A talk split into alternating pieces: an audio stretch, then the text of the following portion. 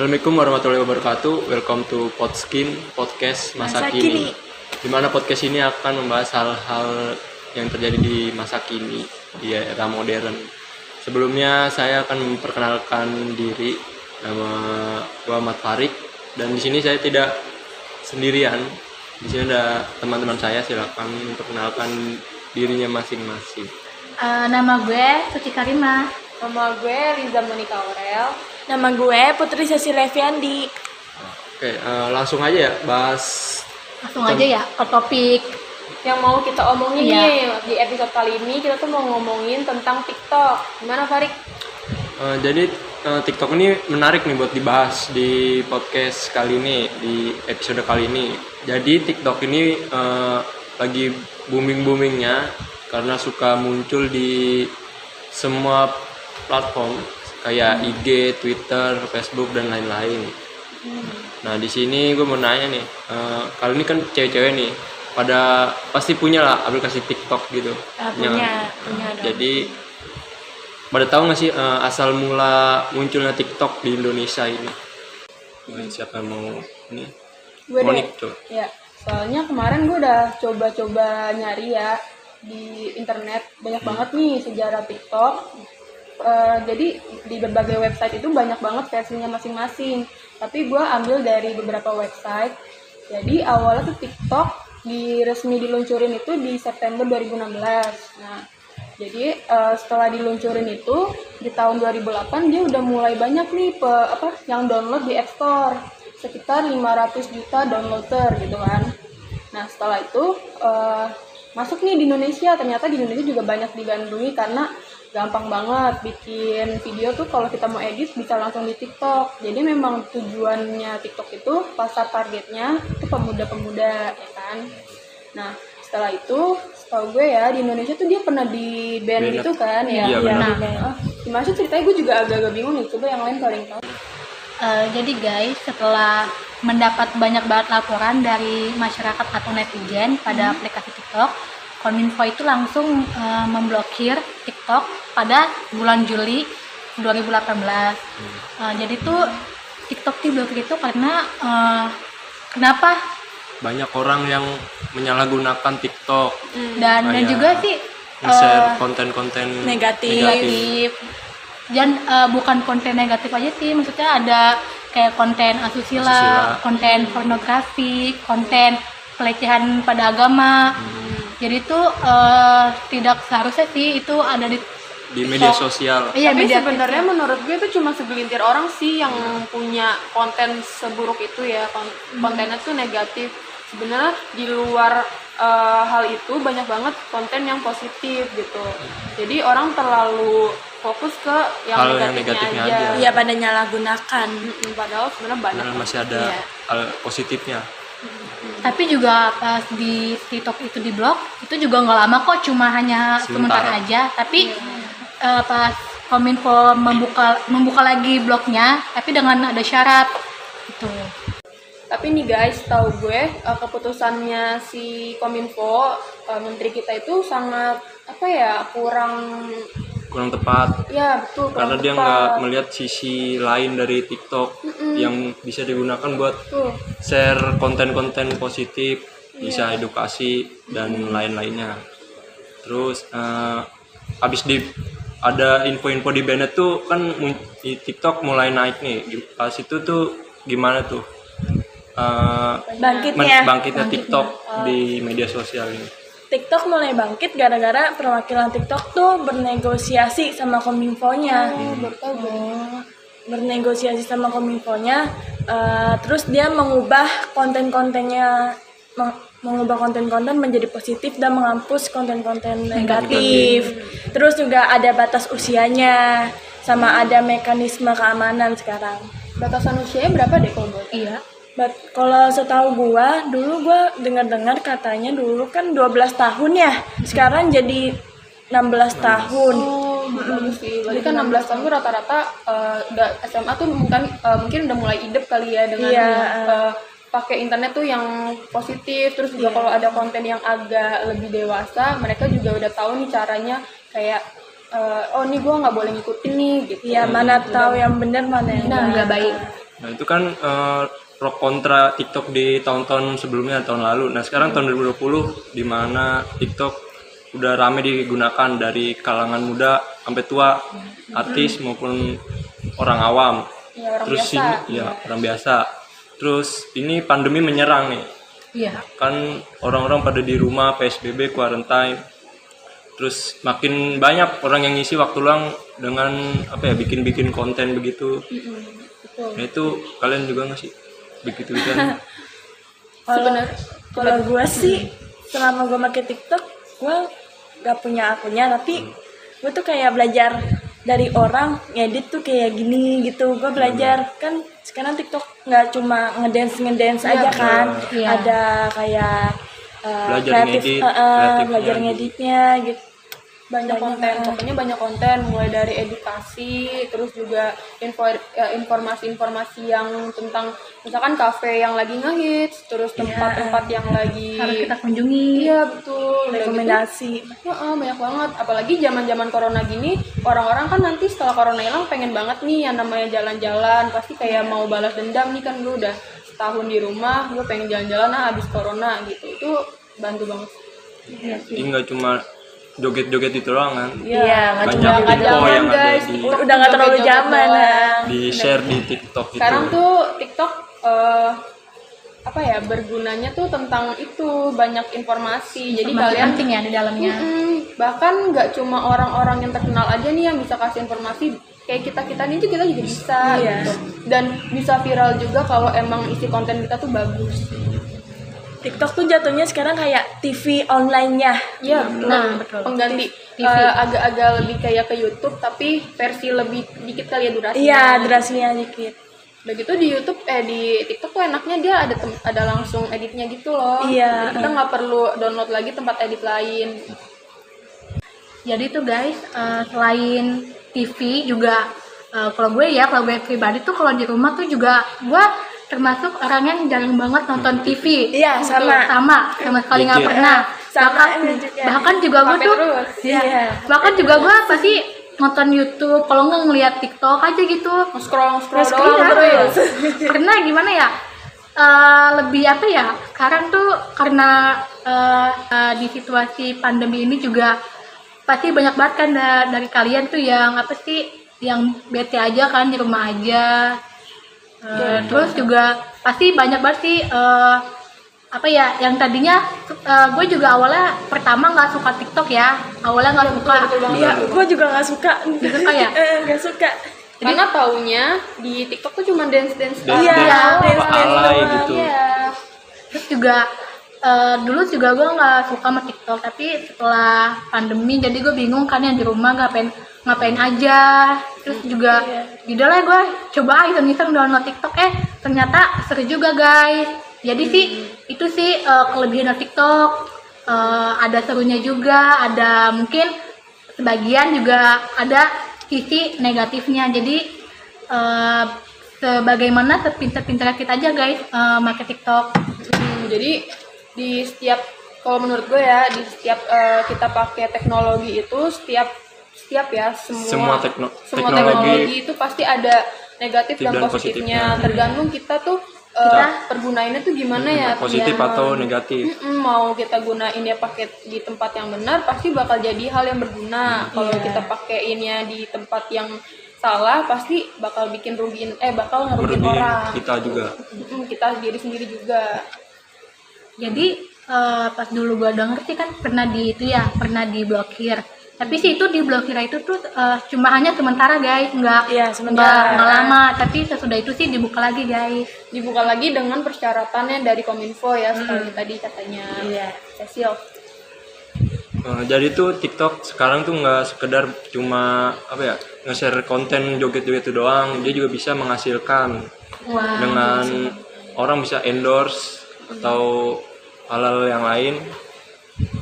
kayak eh, pokoknya TikTok tuh menurut gue udah kayak Instagramnya gitu deh. Instagram kedua sih. Iya Instagram kedua. Karena ya banyak juga all shop all shop yang di Instagram dia nge-endorse eh, tiktokers yang ada di TikTok. Eh yang iya benar ya kan mem- mempromosikannya juga lewat TikTok. Uh, jadi eh, sekarang TikTok tuh nggak cuman konten lah, bisa Iya. jadi penghasilan bagi beberapa orang gitu, sumber penghasilan.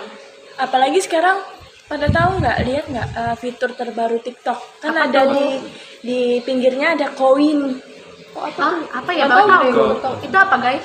itu eh, jadi tuh bisa buat ngundang orang. Orang-orang yang belum download TikTok nih kita undang dari koin itu. Nah itu katanya bisa juga menghasilkan uang. Jadi kita yang narik orang buat masuk ke Lalu TikTok tapi pakai link kita gitu. Oh, jadi nanti kita dapat duit gitu. Iya dapat duit ngumpulin Tuh, guys. ngumpulin koinnya. Download ya TikTok untuk yang lagi nganggur. buat ngisi waktu luang aja buat ngisi waktu Dan luang. terus daripada orang- terbuang sia-sia. iya benar terus orang juga bisa terkenal di TikTok eh, dengan cara nge-share konten yang apa ya bermanfaat juga berkarya lewat TikTok yang tadinya orang biasa nggak dikenal siapa-siapa jadi dikenal banyak orang Hmm, lewat karena karya-karyanya di TikTok itu dan setahu gue nih ya bagi cewek nih ya bagi cewek terus ya kalau Farid nggak tahu mohon maaf ya. Gua- tapi kalau di TikTok tuh banyak loh eh, tiktokers yang nge-share review-review tentang make up, skincare dan itu berguna Oh, banget iya.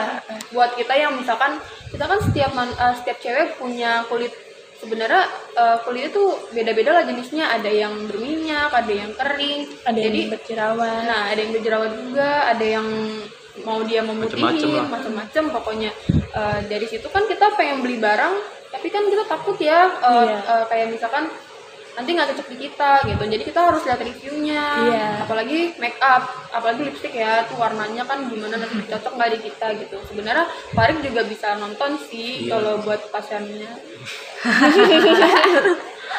mau lagi Ya. Oke guys, jadi topik kita kali ini eh, kesimpulannya adalah jangan terlalu nggak suka sama sesuatu hal karena di satu eh, suatu hal yang nggak kita sukain itu belum tentu eh, merugikan atau merugikan kita sendiri Iya, gitu. iya, Padahal masih bisa ada jadi sisi positifnya. eh, bisa jadi eh, bermanfaat bagi yang lain gitu, ya kan? Nah, terus cara penggunaannya kalau diinget nih kalau buat eh, sekiranya ada konten negatif, kan ada tuh fitur, Fitur, TikTok yang titik tiga eh, ada laporkan. ya laporkan dan blokir. Nah, Report. langsung aja report, jangan kalian keenakan nonton itu Jangan sama aja juga. Oh, itu kalau ada hal yang itu yang negatif, negatif. eh, Oh, langsung di skip aja, nggak usah ditonton. Kalau memang kita udah cukup umur, tapi kan di TikTok nggak cuman 21 ke atas, tapi kan masih banyak yang di bawah 17 Iya, di bawah. gitu. Oke guys, jadi topik kita kali ini di episode pertama Nah. eh, sampai sini aja ya. Iya. Kalau ada salah-salah Salah kata. kata Mohon dimaafkan ya guys. Dadah. Uh, balik lagi di podcast di Podskin podcast masa kini. Di sini podcast yang bahas uh, hal-hal masa kini dan modern. Sebelumnya perkenalkan nama gue Farid dan di sini gue nggak sendiri, ada teman-teman gue dan dua narasumber kita. Silakan perkenalkan diri kalian masing-masing nih. Halo, perkenalkan nama gue Putri Cecil Eviandi, biasa dipanggil Cecil. Halo, nama gue Sati Karina. Biasa dipanggil Cici. halo nama gue Liza Monica Aurel. Di sini ada dua narasumber kita. Eh, perkenalan diri dulu yuk, Pak, Mas. Mas. Mas. Mas. Halo, saya Buyung. Dan Siapa nih? lagi. Mika Indonesia biasa dipanggil Cemai. Yeay. Di sini kita akan bahas nih tentang media sosial, tentang me- media sosial itu merubah cara hidup. Oke, langsung aja ke topik ya. Eh, media sosial itu kayak gimana sih menurut pandangan kalian semua ini? Bisa kasih pendapat atau apa? Gue ya kalau menurut gue eh, media sosial kan dari zaman gue SD tuh udah ada dari dulu eh, dari dulu zamannya awal gue main ya eh, SD tuh Facebook habis Facebook tuh nggak lama Twitter. Tapi gue belum sempet main ke Friendster sih. Kayak gue masih piyik banget deh waktu itu. Terus eh, se- sementara gue gede tuh banyak banget kayak mulai dari eh, messenger ya. BBM terus sekarang wa- line zaman SMA line terus sekarang gue udah kuliah zamannya WhatsApp gitu. Ya. ada lagi juga Instagram dan TikTok di masa pandemi nih. TikTok kan lagi naik banget. Iya, naik banget. Jadi gue mau nanya nih eh, kalian kan pada pengguna sosmed ya kan Iya, benar. Iya.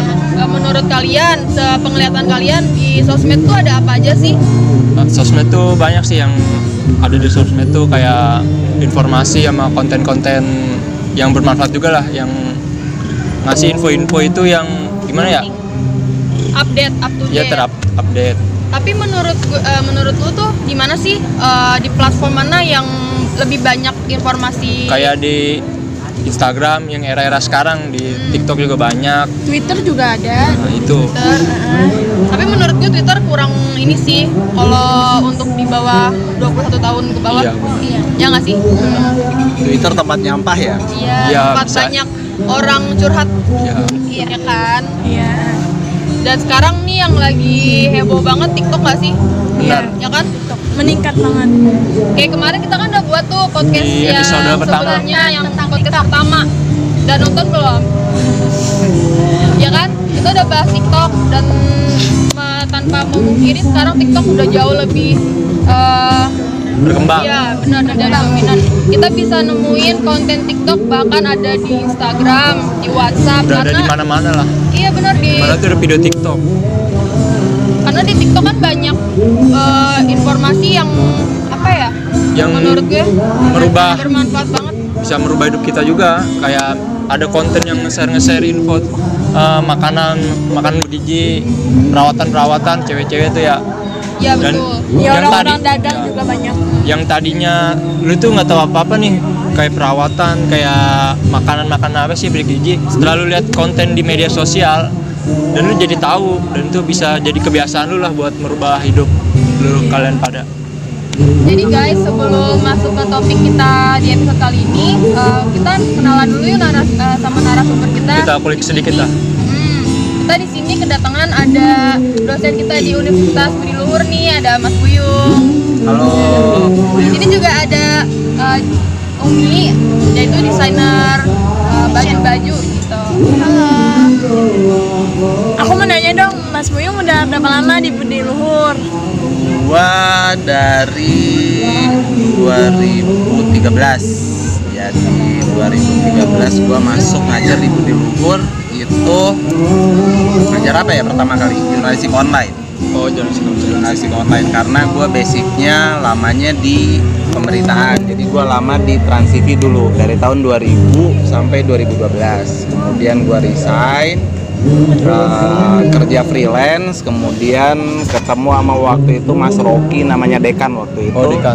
Ah, ah, kemudian Mas eh, bisa ngajar di Budi Luhur juga. Seneng banget. Gitu, gitu sih. Kalau Iya. ceritanya. Tapi Mas, eh, kalau boleh tahu kerja di Budi Luhur itu awalnya ada matkul berbeda-beda gitu nggak sih? Apa langsung matkul kan kalau sekarang di kreatif thinking ya di eh, sebelumnya itu apa ah, sebelumnya. Gua itu ngajar biasanya selama ini ada tiga mata kuliah. selama ini ya Eh, iya, selama ini dari tahun 2013 tuh jurnalistik online. Itu biasanya gua ngajar jurnalistik online, kemudian creative thinking, kemudian juga biasanya digital media namanya. Jadi tiga mata kuliah itu biasanya yang gua pegang tuh gantian aja setiap setiap semester kadang ngajar ini. Di semester ini gue cuma ngajar creative thinking sama jurnalistik online. Tapi bisa Mas di satu semester itu Mas ngajar tiga-tiganya. Pernah nggak? Berharap sih tidak ya. Oh, oh kenapa Pasti bakal berat ya. Kenapa itu? Berat ngurusin mahasiswa gitu ternyata. Tapi kalau tiga matkul itu berarti tiga kelas aja apa banyak, banyak kelas? lah Masalahnya nggak cuma satu kelas kadang-kadang. Jadi eh, biasanya satu mata kuliah itu eh, dua kelas, kadang-kadang satu kelas. Jadi minimal biasanya satu kelas, maksimal itu biasanya eh, dua kelas. Kayak semester sekarang ini gue megang 6 kelas malahan. Enam kelas di matkul yang sama dua, dua matkul. tiga kelas creative thinking, tiga kelas jurnalistik online. Jadi ada 240 mahasiswa. Kenal nggak Mas? Makanya jangan berharap gue bisa inget nama secara langsung ya. Ini minta maaf dulu gue sebelumnya. Kenapa gue kalau misalnya di WA atau di Telegram atau pakai mekanisme lain itu gue minta "Eh, lu siapa? Gitu, Sebutin tolong NIM ya? Kenalin Nama. NIM dulu Ah, nama. iya. Apalagi kita nggak pernah ketemu selama Iya. Oh, yang pandemi ini, pandemi ini. Gitu. Ini Jadi, kita kan eh, mahasiswa pa- apa corona. betul. Angkatan corona, Kita guys. angkatan corona masalahnya. gitu sih. nah itu Oke Dan oke. mungkin Nah, ada yang mau ditanya lagi Oh, Mas Tanya sekarang nih si Umi Satu. dengan desainer. Gimana Umi dengan desainnya eh, selama Ah. pandemi ada ini enggak? Awal mulanya dulu ya.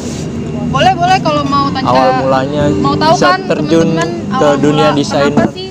Umi tuh milih karirnya tuh di desain? Uh, kalau gue sih awalnya hobi. Uh, terus ada gue sempet les juga. Terus gue banyak guru-guru yang nyuruh gue ngepus gue buat ngembangin karya gue. Ya, jadinya tuh ya kayak gitu. Gue udah menang kayak lomba-lomba dari yang dari yang rendah-rendah dulu gitu Nah, itu menang lomba itu dari SMA, SMP, Dari SD. Dari SD. Wow. Lomba. Itu bagus. Gambarnya gambar apa sih? Grafika atau gambar orang atau gambar abstrak? beda-beda sih ya pas gue SD gitu gue kayak gambar-gambar biasa gitu terus pas SMP gue ketemu sama guru yang bimbing gue yang ngajak gue buat les gitu ya itu gue sempat menang sempat juara apa ya juara berapa Juara lah pokoknya. Heeh, setelah itu SMA Masih. masih gue kembangin cuman belum. apa sih ya? Kan pandemi juga cuman buat nyari-nyari relasi aja sih. Gitu Oh iya by the way, Umi tuh sekarang umurnya berapa sih? gue masih 18 Oh ya ampun. Masih muda banget ya guys. iya. Kalau usia yang 18 tahun itu Seumur. Oke. Wow. Yang kita kayaknya udah ketinggalan ya udah 20 tapi belum jadi apa-apa masih kuliah aja. apalagi gue ya 18 tahun masih kuliah juga. masih panjang lah buat Iya, sukses untuk eh, suksesin. mau mau memperbaiki karir tuh masih jauh banget lah. Tapi gue kadang suka ngiri deh sama orang yang umurnya masih kecil, yang bukan masih kecil sih, masih lah. masih muda, tapi dia udah tahu nih eh, arahnya dia tuh ke mana sih gitu. Keren. Keren. Karena gue sendiri sampai sekarang masih belum tahu gue tuh eh, di mana sih titiknya tuh masih ke mana-mana gitu. Masih kanan tuh. masih mencari jati diri Iya betul. Jadi gua rasa lo harus bersyukur dan tekunin.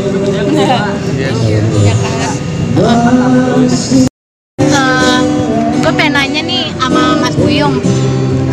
Pendapat Mas Buyung tentang media sosial itu Ya. pendapat gua Iya. tentang media sosial apaan ya ya udah kehidupan sehari-hari ya mau nggak mau kalau sekarang mah Di era sekarang. di era sekarang ya bener tadi yang dikatain gua ngalamin dari mulai zaman-zaman masih Friendster artinya lu mungkin masih SD ya TK deh kayaknya kalau Friendster. Iya. nah kira-kira gua udah pacaran tiga kali lah oh, Friendster itu biar nggak usah dita- nggak biar nggak usah ditanya umur maksudnya Iya, gitu biar clear iya. dari mulai. Friendster, kemudian ada Multiply kalau dulu, kemudian ada mulai masuk ke eh, Twitter dulu, baru Facebook, baru kemudian Telegram, eh, kan? Instagram, Telegram belakangan Oh, justru, belakangan. Iya. Snapchat, Iya, Snapchat. even Bigo Live gua main, Oh. Hiburan. mau WeChat gua main, mau Bitalk gua main, zaman-zaman dulu masih ada Kaskus, pernah dengar? Iya, nggak? iya, Oke. Nah, itu jadi sampai sekarang kemudian gua pakai media sosial itu kalau misalnya buat messagingnya karena kadang-kadang bisa dianggap media sosial juga tuh messaging kayak WA atau misalnya masuk. Line. Line Line. atau Telegram, BBM. BBM, BBM sekarang udah Oh, nggak ada, nggak ada. nggak Oh, dipakai. nggak itu gua bangga banget tuh dulu perta- perta- pertama kali punya BlackBerry itu bangga Wow. banget. Ya, ya. Sama. Kamu nggak pernah punya BlackBerry? So sad. Gua punya handphone aja baru tahun 2000. 2000 tuh saya baru lahir, Mas. Oh iya, makanya gua bilang gua pacaran udah lima kali berarti kalau tahun 2000. Emang kalau kalau pakai HP-nya tahun 2000 sebelumnya pakai apa? nggak bisa. Jadi handphone pertama gua itu Siemens S4 segede bata. Cuma bisa dipakai buat nelpon sama buat WA. Eh buat SMS. Eh berarti Nggak Mas Buyung pernah ngerasain zaman-zamannya pacaran lewat wartel nggak sih? Nelpon di wartel. Koin. Koin. Koin dan wartel kayak koin di zaman dulu banget. Yes, koin 100 Berarti Mas Buyung tuh udah zaman koin, zaman wartel, dari koin ke wartel gitu ya Mas? tua banget ya. Maaf sebelumnya. Nah, kalau kemudian media sosial zaman sekarang hampir semuanya sih tapi tapi mayoritas yang dipakai yang sampai sekarang gua pakai terus itu Instagram udah pasti Instagram nyambung ke Facebook kemudian Twitter kemudian lain gua eh, nggak pakai karena menurut gua terlalu rame. Mungkin karena beda ya cara komunikasinya. Iya. lain itu terlalu rame Eh, bahkan Discord aja gua masih main. Discord. Kurang Discord. tahu sih kalau Discord tuh buat untuk apa. suara buat suara buat main game. Iya, main game tuh sekarang buat anak-anak yang main game tuh dia pakai Discord karena dia. suara gitu. nih nih buat itu komunikasi. Oke oke. Banyak sih gunanya. Hal yang positifnya banyak negatifnya juga, Juga banyak, Negatifnya gitu loh. Lu bisa dapat apa pun sebetulnya di media sosial itu. Jadi kontrolnya cuma ada di lu sendiri Gitu. dan selama pakai media sosial itu pasti nemuin konten-konten yang bagus yang bisa merubah diri kita itu. Ada contohnya atau apa? Banyak banyak kayak misalnya eh, event itu bahkan di TikTok ya yang dulu dianggap pertama kali muncul nirfaedah nih kontroversial banget. sama orang-orang anggap lah orang-orang tua kayak gua gitu. Ini apa apaan sih nih anak sekarang main TikTok? Gitu cuma gini-gini doang. Joget joget. Joget-joget. itu misalnya ya. Tapi sekarang ada konten bahkan eh, gimana eh, eh, penerapan social distancing misalnya di TikTok sama WHO Iya, banyak banget sekarang. Banyak informasi yang Iya. berguna Ah, even nih Mas Buyung kan Mas Buyung waktu awal banget eh, Mas aku kan matkulnya sama, sama Mas Buyung ya kreatif thinking pernah ada tugas eh, disuruh bikin lewat TikTok, YouTube atau apa tuh Mas ya? Pokoknya itu deh TikTok atau sosial YouTube. Tapi gue lewatnya TikTok keren banget gak sih? Bisa untuk ajang nyari nilai TikTok. nah, gue juga mau nanya nih sama Umi. Tadi kan udah eh, ke Mas Buyung ya, sekarang ke Umi. Umi eh, di sosmed itu lu eh, di bidang lu itu lu ngapain aja sih? kalau buat gue kalau gue sih buat nyari referensi kayak misalnya lewat Instagram kita bisa ngeliat desainer-desainer yang terkenal gitu terus sama kayak ini ya inspirasi buat ngedesain inspirasi gitu Untuk buat desainnya.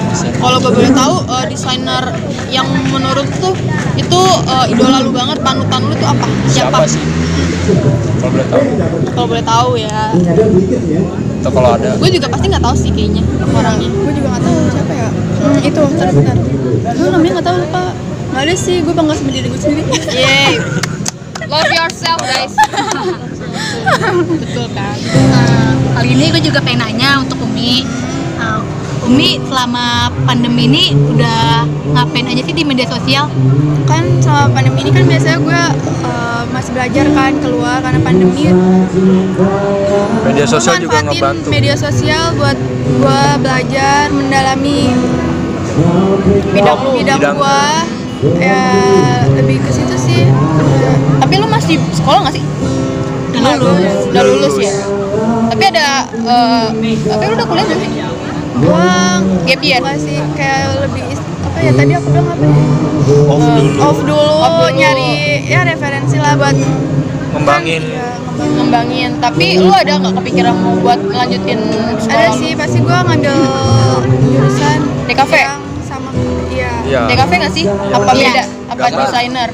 kalau gue Desain sepakat biasanya gue kalau gue nyaranin anak SMA gitu ya kalau misalnya lu nggak nggak- nggak ngerasa perlu perlu banget langsung kuliah lu off dulu setahun itu lu belajar hal lain karena karena gini menurut gua lu udah sekolah 6 tahun SD 3 tahun SMP 3 tahun 12 tahun tuh tambah kuliah 4 tahun gila hidup lu 16 tahun cuma kelas aja.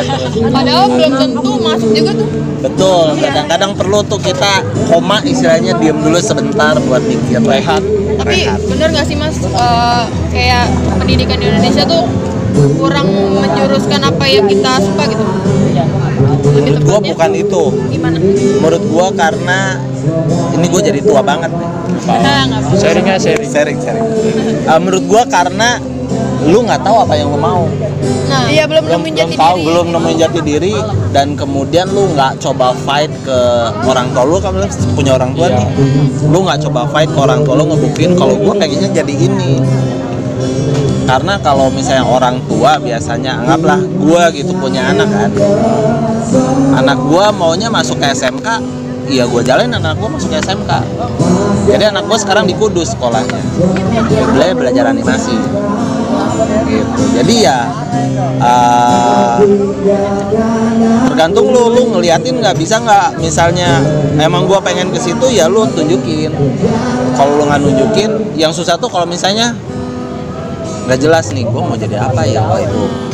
Tapi mas kan ada juga tuh yang orang tua, eh, misalnya kita cita-citanya pengen jadi kayak artis, nah terus nggak ngizinin, itu tuh gimana? nah itu yang harus diyakinin orang tua tuh cuma bisa diyakinin doang sih. Yakinin. nggak bisa nggak bisa pakai cara lain lo harus ngebuktiin.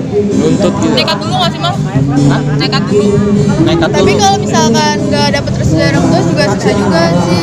tuh Ya sebisa mungkin lu ngelayakin orang tua lu dulu kalau lu tuh bisa serius di bidang Bisa itu mampu, yang lu mau. bisa sukses dan berhasil. Ngebuktiin sih Nah, gitu iya. kalau aku boleh curhat nggak sih Boleh. maaf ya curhat ya. Kayak ke mamah dedeh dong. Iya aduh maaf nih. Ini papa Didi bapak Buyung Aku mau nanya. Nggak nanya sih curhat dulu. Jadi tuh dulu gue pernah kuliah kan. Kan gue pernah dapet jalur undangan namanya SNMPTN jadi nilai eh, dalam gue SMA tuh tiga tahun ternyata nilai gue bagus tuh. Gue boleh eh, milih kuliahan mana yang boleh eh, yang bisa gue ambil gitu kan. Gue dapet di unsut dan itu gue ngambil sebenarnya gue suka sih eh, sastra tapi dengan enggak sastra Jepang juga. Gue sukanya sastra Korea sebenarnya. Tapi karena sastra Korea tuh di univ Indonesia eh univ di Indonesia tuh cuma dikit cuma ada di Universitas Indonesia ada di Universitas Pendidikan Indonesia tuh. Tapi tuh kemungkinan sekolah gue masuk situ tuh nggak ada gitu. Karena belum ada alumni alumni sebelumnya kan akhirnya gue nggak betah tuh gue cuma satu semester doang. Terus gue out udah.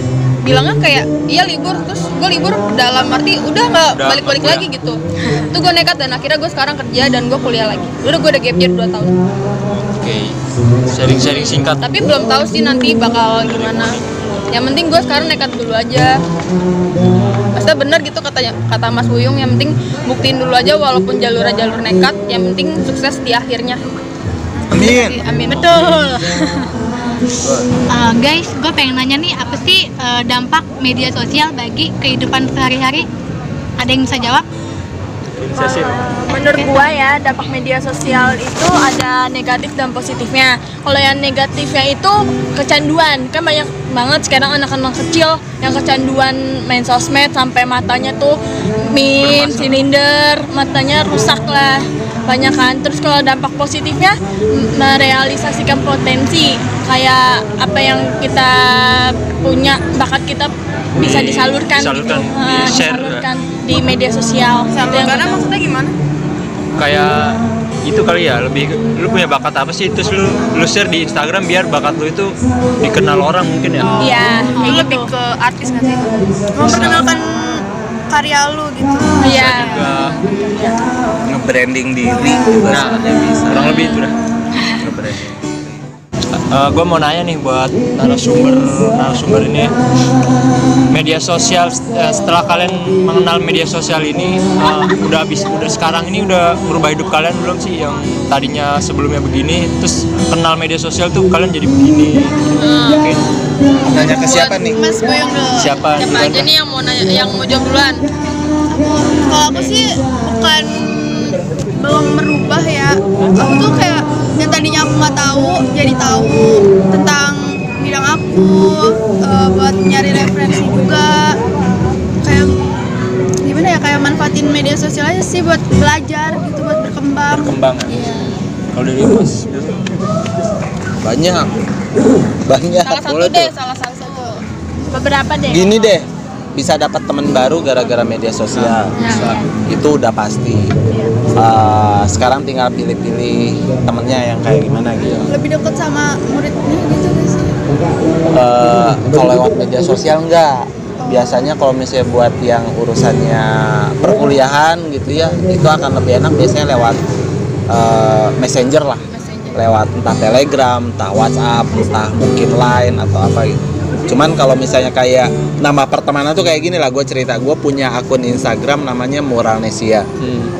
Moralnesia itu gue bikin tahun 2012 itu karena eh gue tuh dari dulu seneng ngeliat gambar-gambar di dinding graffiti mural eh, stensil segala macem. Nah itu tuh gue fotoin tuh. Karena gue tahu nih bentar lagi bakal ditimpa dihapus. Gitu padahal sekali bikin ah, sekali bikin mural itu kan lu ngeluarin cat pilox itu anak-anak itu bisa sampai 500 ribu loh kalau dindingnya gede. Itu tuh dengan seenaknya kemudian hilang atau dicoret-coret. Hilang-hilang itu maksudnya? Kayak dicoret, ditumpuk. Orang mandang ini tuh. lagi gitu. sama yang lain atau sama yang punya rumah gitu. Misalkan bisa aja orang bisa yang itu. Punya jelek lah. rumah bisa sama yang iseng nganggapnya ngerusak wilayahnya gitu. Padahal gambarnya bagus. Padahal itu seni. Biasanya Ya. dari RT sih kayak RT-nya gitu di Ya. jalan kan ya biasanya nyuruh gitu. Betul. Anggapnya mengganggu. dicat putih apa-apa. Ya kalau di sekolah gue malah justru banyak banget graffiti dari anak-anak sekolah. Ya karena kan kemudian eh, tempatnya jelas ya. Cuma Hmm, kalau di tempat-tempat umum kan nggak segampang itu. Nah itu tuh sering hilang jadi gua fotoin tuh dari tahun 2012 itu kemudian sekarang gambarnya udah ada berapa postingan di situ? 4000 kali. Oh dari Empat. mana aja mas? Banyak ada yang ngetek kemudian gua repost kemudian emang gua fotoin sendiri Jabodetabek. Dah pokoknya gua jalan ketemu ketemu foto. Gua jalan ke Lombok ada foto graffiti gua foto ke mana-mana lah gua kan sering jalan tuh apa pun Dan- yang dilihat foto Iya, asalkan ada gambar di sini yang gua ngerasa gua ini lucu atau bagus, gua foto. Itu sekarang sampai gue jadi kayak punya temen orang-orang yang suka graffiti. Jadi kadang-kadang gue dikontak sama teman-teman yang suka gambar gitu. Mas, gitu mas bisa bentuknya kayak gitu, bisa kemudian kayak Mas mau jadi media partner nggak Muranesia kayak gitulah kira-kira. media partnernya itu dalam arti apa tuh mas dalam arti karena followernya lumayan gitu ya jadi ya buat nge-repost uh, eventnya mereka. Dia. tapi kemudian jadi jadi kenal kan gitu. Oh nama lu nama di dinding lu Abot nama asli lu Denny. Gue jadi tahu.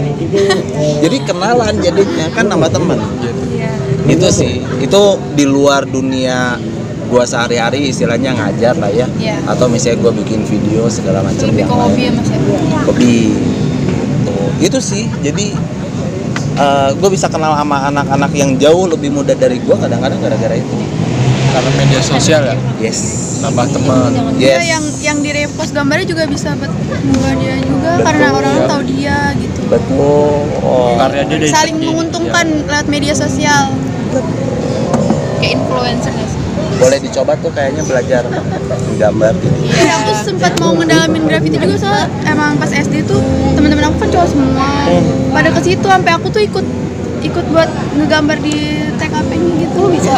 Enggak ikut jalan malam-malam kayak kan biasa malam ya kalau gitu takut ketahuan warga gitu ya. Kayak gitu. beda masanya ngegambar di kertas sama Iya, ngegambar di nah. beda kecuali emang udah ada tempatnya buat dia gambar ya dia bebas kapan aja soalnya kan kalau kita tuh buat apa ya yang hobinya masih menyalurkan iya. gitu. Kayak gitu sih kalau baru tahu tuh guys. Iya. Gitu. Itu buat gua ya yang umurnya relatif jauh lah. Kalau misalnya mungkin yang teman-teman yang lebih yang lain. Lebih muda mungkin lu bisa kenalan nama siapa pun sebenarnya lewat media sosial asalkan lu kontak dengan baik ya. Lu mau nyari narasumber misalnya presenter ini artis ini ya lu coba kontak lewat media sosial. Iya di Instagram kan banyak videonya kadang Oh. kontak personnya. Betul. Berubah yang tadi temen lu segini doang habis itu circle lu jadi meluas gitu ya. Betul. Dari media sosial Walaupun kadang-kadang ada yang nggak lu kenal, tapi bisa jadi sebagiannya lu kenal. Iya. Ya, jadi eh, banyak sih eh, hal-hal yang didapat dari media sosial, dari yang baik dan buruknya, yang bisa ngerubah hidup, ya. tergantung diri kita masing-masing. Gimana kita apa ya memilahnya, memilih mau apa sih hal apa yang mau dipakai di Sosial yang, media. Ya, yang kita ambil dari media sosial. Contohnya aja nih dari tadi eh, Mas Buyung udah jawab pertanyaannya sosial media tuh dia pakai untuk apa Iya. dan Umi juga dipakainya untuk apa dari kita berarti dari satu orang aja tuh kita udah punya beda-beda tujuan untuk pakai Tujuan sosial medianya. ya. pakai semua cukup sampai sini aja podcast kita untuk episode kali ini. Sampai jumpa lagi. See you next time. Dah.